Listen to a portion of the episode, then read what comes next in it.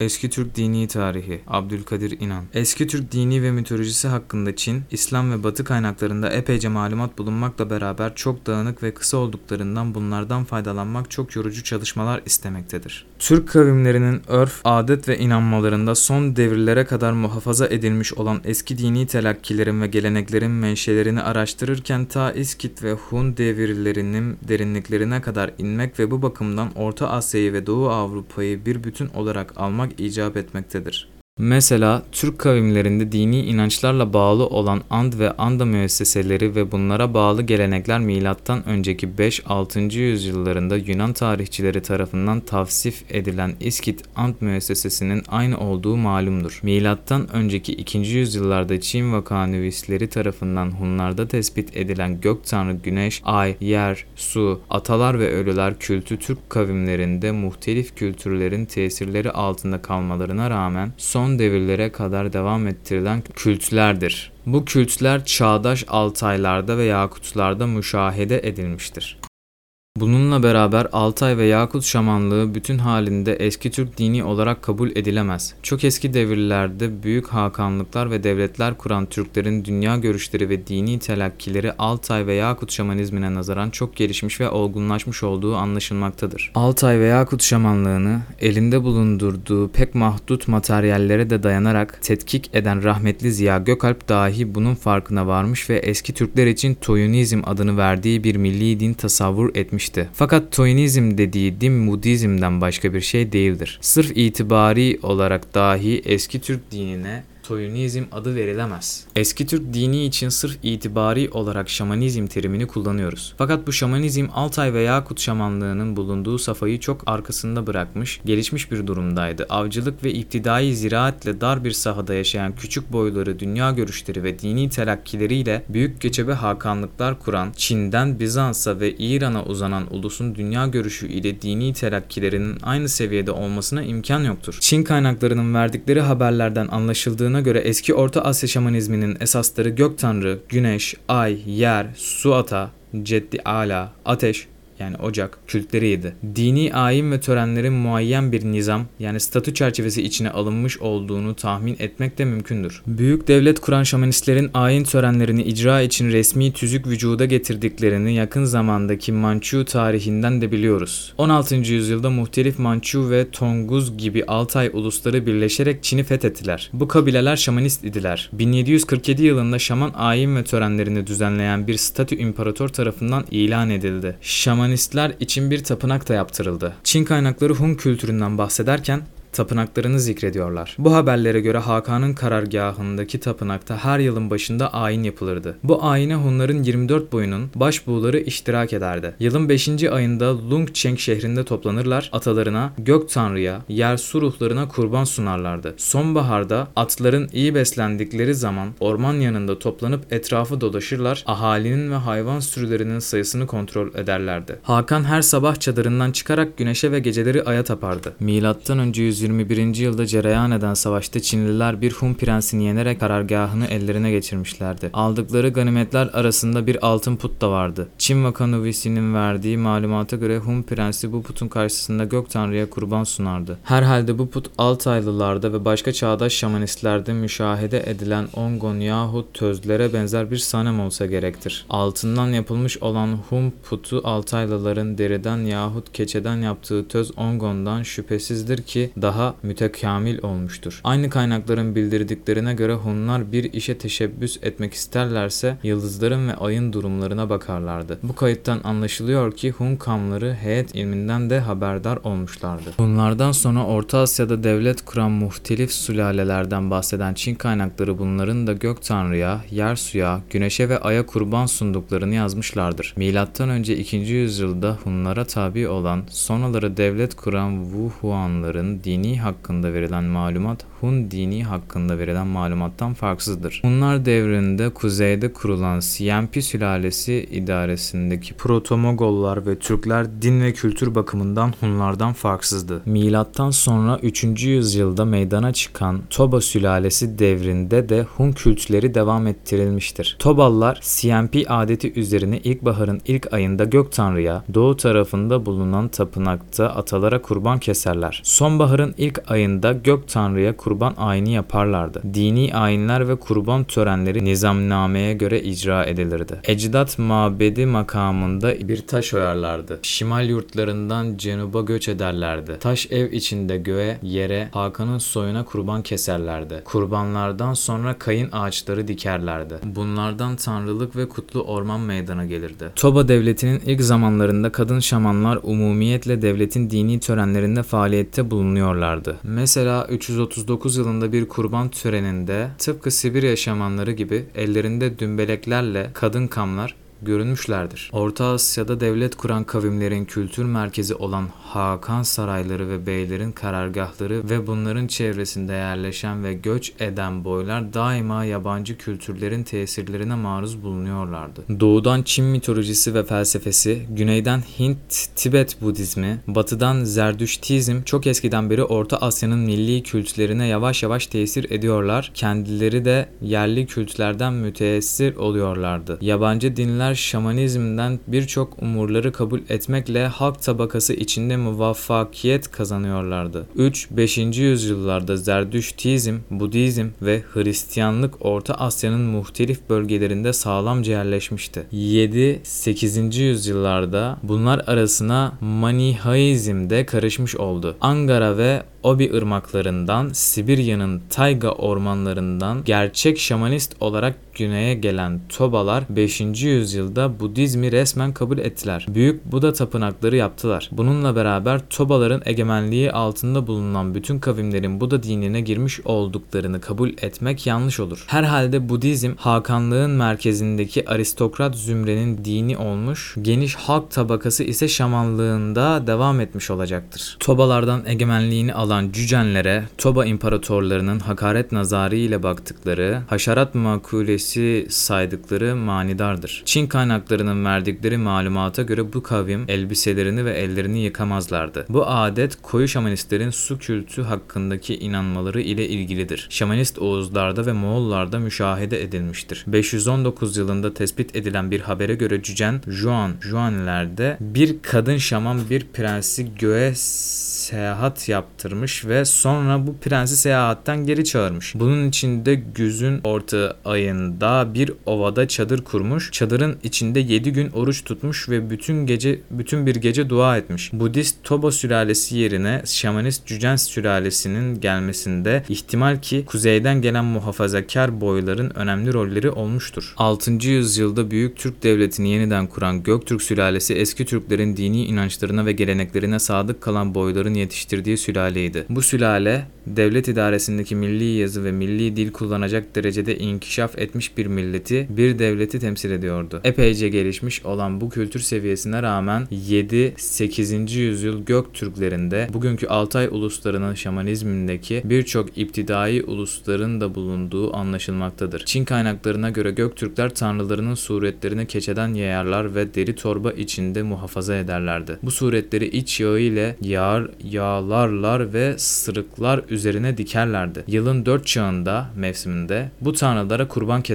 Bu tasvirler Altaylıların Töz, Töz, Yakutların Tana, Soyut Uranhaların Eren, Moğolların Ongem dedikleri putlardan başka bir şey değildir. Kestikleri at ve koyun kurbanlıkların kafalarını sırıklara korlar. Hakanların Hakan'ın çadırı Ötüken Dağı'ndadır. Kapısı doğuya bakar. Her yıl boy baş buğuları ile beraber atalarının mağarasına kurban sunar. Ayın ilk onunda ırmak kıyısında Tanrı'ya kurban keserler. Ötüken Dağı'nın batısında 500 li mesafede yüksek bir dağ vardır. Bu dağın üzerinde ağaç ve ot yoktur. Burasına Budun inli derler ki ülkenin koruyucusu olan ruh demektir. Ruhlara taparlar, kamlara inanırlar. Bu Budun inli, Budun millet yani tanrısı, Budun tanrısı. Bütün vatanı ve milleti koruyan tanrının makamı olan dağ demek olsa gerektir. Herhalde bu kült dağı mağara ve atalar kültünün birleşmesinden meydana gelen çok önemli bir kült olmuştur. Tobahan bir Çinli Budistin teşvikiyle Buda dinini kabul etmekle Göktürkler arasına Budizmi sokmuş oldu. Tobahan çok müteassıp bir Budist gibi hareket ediyor. Buda dualarını okuyor,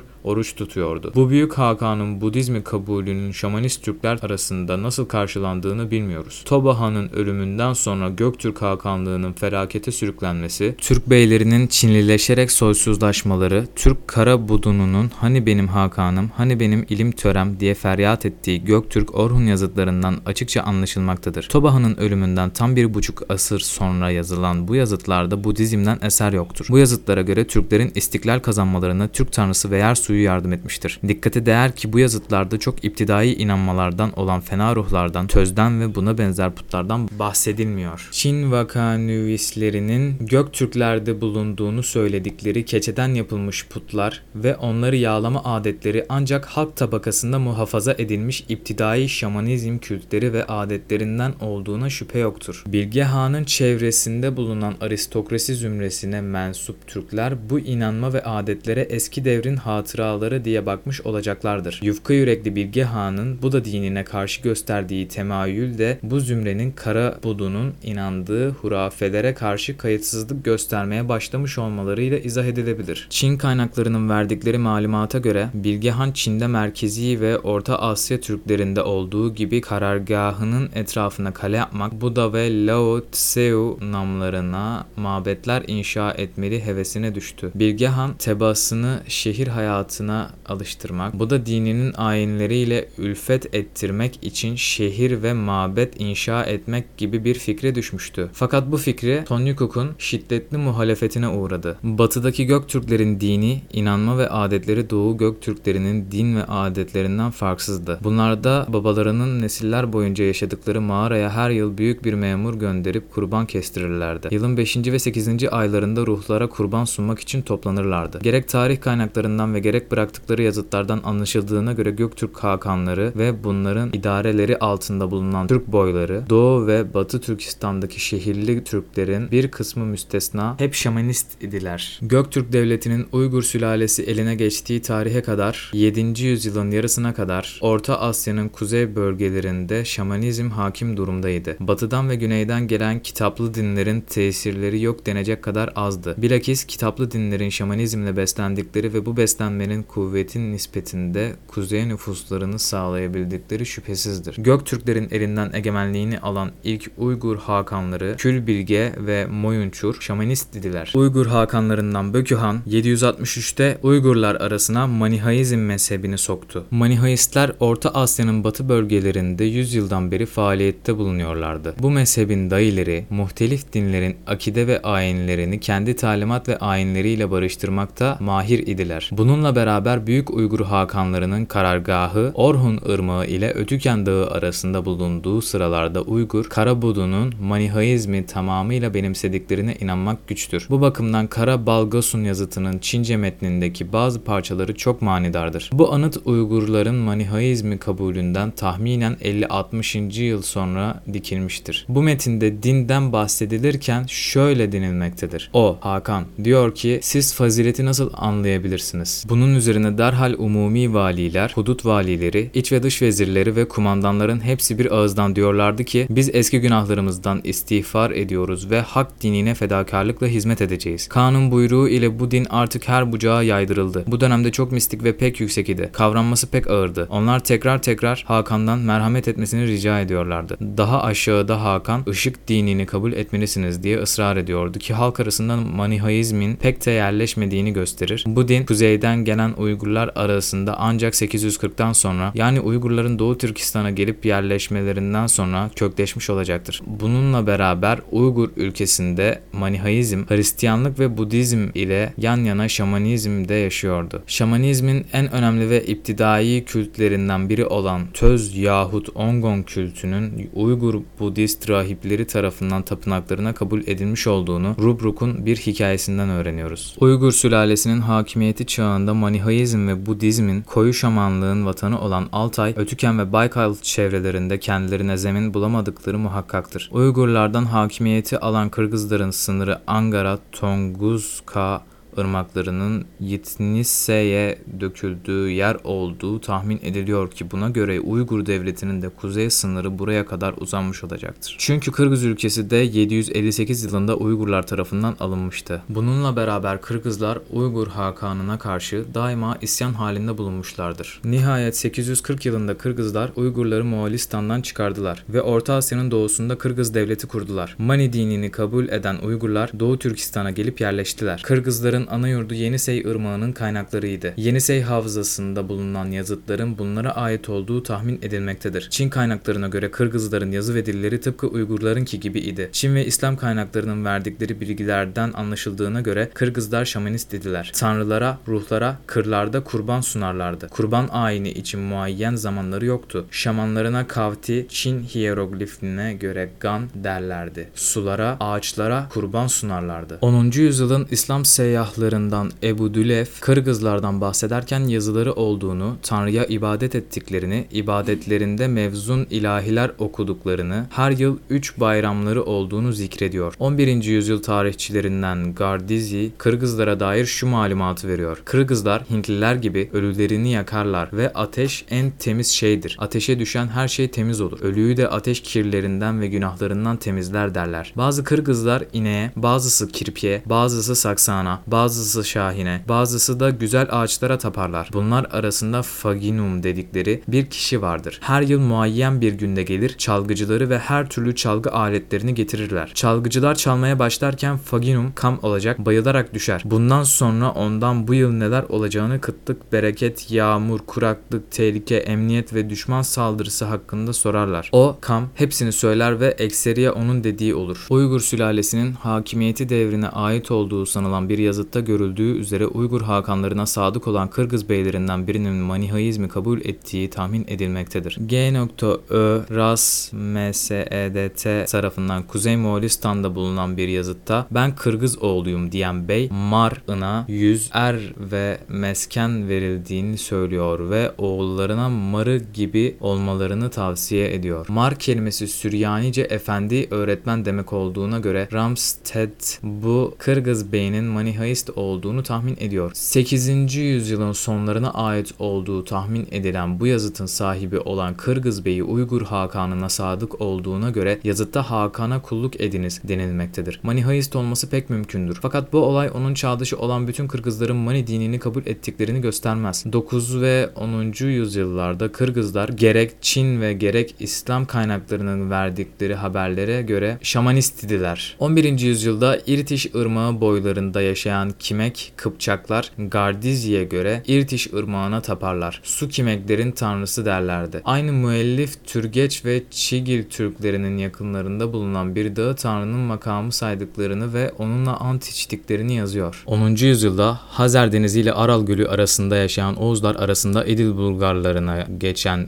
İbn Fadla'nın verdiği malumata göre Oğuzlar İslam ülkesine yakın komşu bulundukları halde şa- şamanlıklarında direniyorlardı. İbn Fadla'nın ilk gördüğü Oğuz Bey'i Küçük Yanal yahut İnal evvelce Müslüman olmuş ise de Oğuzların Müslüman olursan bizim başkanımız olamazsın dedikleri için tekrar şamanlığa dönmüştü. İbn Fadla'nın gördüğü Oğuzların defin törenleri tıpkı eski Göktürklerinki gibi idi. Mezar üzerine kurgan, hüyük yaparlardı. Bal bal dikerler, yag, aş yapıp kesilen hayvanların derilerini baş, ayak ve kuyrukları ile beraber ağaca asarlardı. Böylece ölülere kurban sunarlardı. İbn Fadlan başkurt şamanizmine dair bazı malumat vermektedir. Bu malumata göre başkurtlar kış, yaz, yağmur, rüzgar, ağaç, orman, hayvan, insan, su, gece, gündüz, ölüm, hayat ve yer gibi varlıkların her biri için ayrı ayrı birer tanrı bulunduğuna, en büyük tanrının da gökte yaşadığına inanırlardı. Ağaçtan Pullus kadar bir nesne yapıp onu bir yere asarlar. Sefere çıkarken veya düşmanla karşılaşırken onu öper ve onu secde ederlerdi. Oğuzlar ve başkurtlara komşu olan Hazarların Hakanı ve aristokrat sınıf Yahudi dinindeydiler. Halk tabakasının inançlarına dair bilgimiz yoktur. Gardizi'ye göre Hakan ve emirler Yahudi dininde, kalanları Oğuz dinine benzer bir dinde idiler. Arap coğrafyacılarının verdikleri malumata göre Hazar ordusu 10. yüzyılda tamamıyla Müslümandı. Herhalde bunlar Oğuzlardandı. Müslüman coğrafyacılar o veya bu Türklerden Türklerden bahsederken Budist veya Hristiyan olduklarını söylerler. Tokuz Oğuzların Manihaist olduklarını açıkça biliyorlar. Fakat bu dinlerden hiçbirine mensup olmayan türlü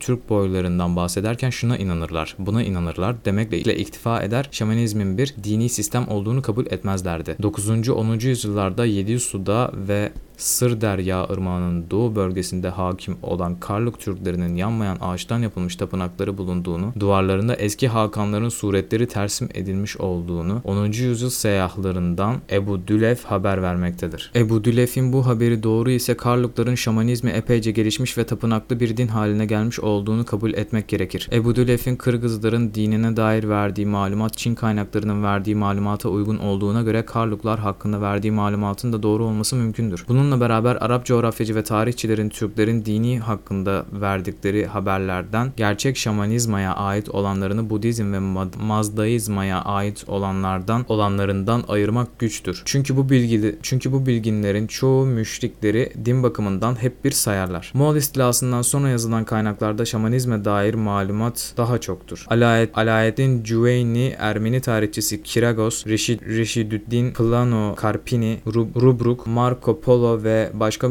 başka müellifler Moğolların ve onlarla beraber gelen Türk boylarının görenek ve geleneklerinden bahsederken şamanizm hakkında malumat vermişlerdir. Cengiz Han'ın Moğolları ve bunlara iltihak eden Kuzeyli Türk ulusları şamanist idiler. Moğolistan'daki bazı boylar arasına Hristiyanlık sokulmuş olmakla beraber bu din ancak bir sözden ibaret olmuştur. Bununla beraber Cengiz ve oğulları devrinde iptidai şamanizmin mümessilleri olarak kuzey ormanlarında yaşayan kavimler kavimlerden Uryan kıtlar sayılırdı. Bu kavim Göktürk yazıtlarındaki Kırıkanların torunları ve bugünkü Urenha ve Yakut Türklerinin ataları sayılmaktadır. Reşidüddin'in verdiği malumata göre Cengiz Han'ın sol kol beylerinden biri olan Odaçı bu Uryan kıtlardandı. Radloff'un fikrine göre bu Odaçı adı Uygurca'da ve başka Türk lehçelerinde tabip der arzt anlamına gelen Otaçı'nın kendisidir. İptidai şamanizmde tabip ile şamanın aynı şahıs olduğu olduğu malumdur. Moğol istilası devrinde Bozkır Moğollarının Uryan kıtları koyu şamanizmin mümessili saymaları gösteriyor ki Cengiz'in çevresinde toplanan Türk ve Moğollar bile başka dinlerin tesirine maruz kalmışlar. Orman şamanizminden az çok uzaklaşmışlardı. Bununla beraber Moğol istilası Orta Asya ve Volga havzası Müslümanların da ölmek üzere bulunan şamanizm kalıntılarının tekrar canlanmasına sebep olmuştur. Moğol, dev Moğol devrinde şamanizm üç büyük dinin İslam İslam, Hristiyanlık ve Budizmin mücadelelerine saha oldu. Orta Asya'da ve İran'da Hristiyanlık 14. yüzyılda İslam dinine mağlup oldu. Hristiyanlık İç Moğolistan'da ve Yedi Su'da mezar taşlarından başka hiçbir iz bırakmadan çekilip gitti. Moğolistan'da Budizm zafer kazandı. Şamanizm, Budizm ve İslam dinlerinde bir sürü kalıntılarını bırakarak ancak Sibirya ormanlarında ve Altay dağlarında barınabildi. Eski Türklerin 2 5.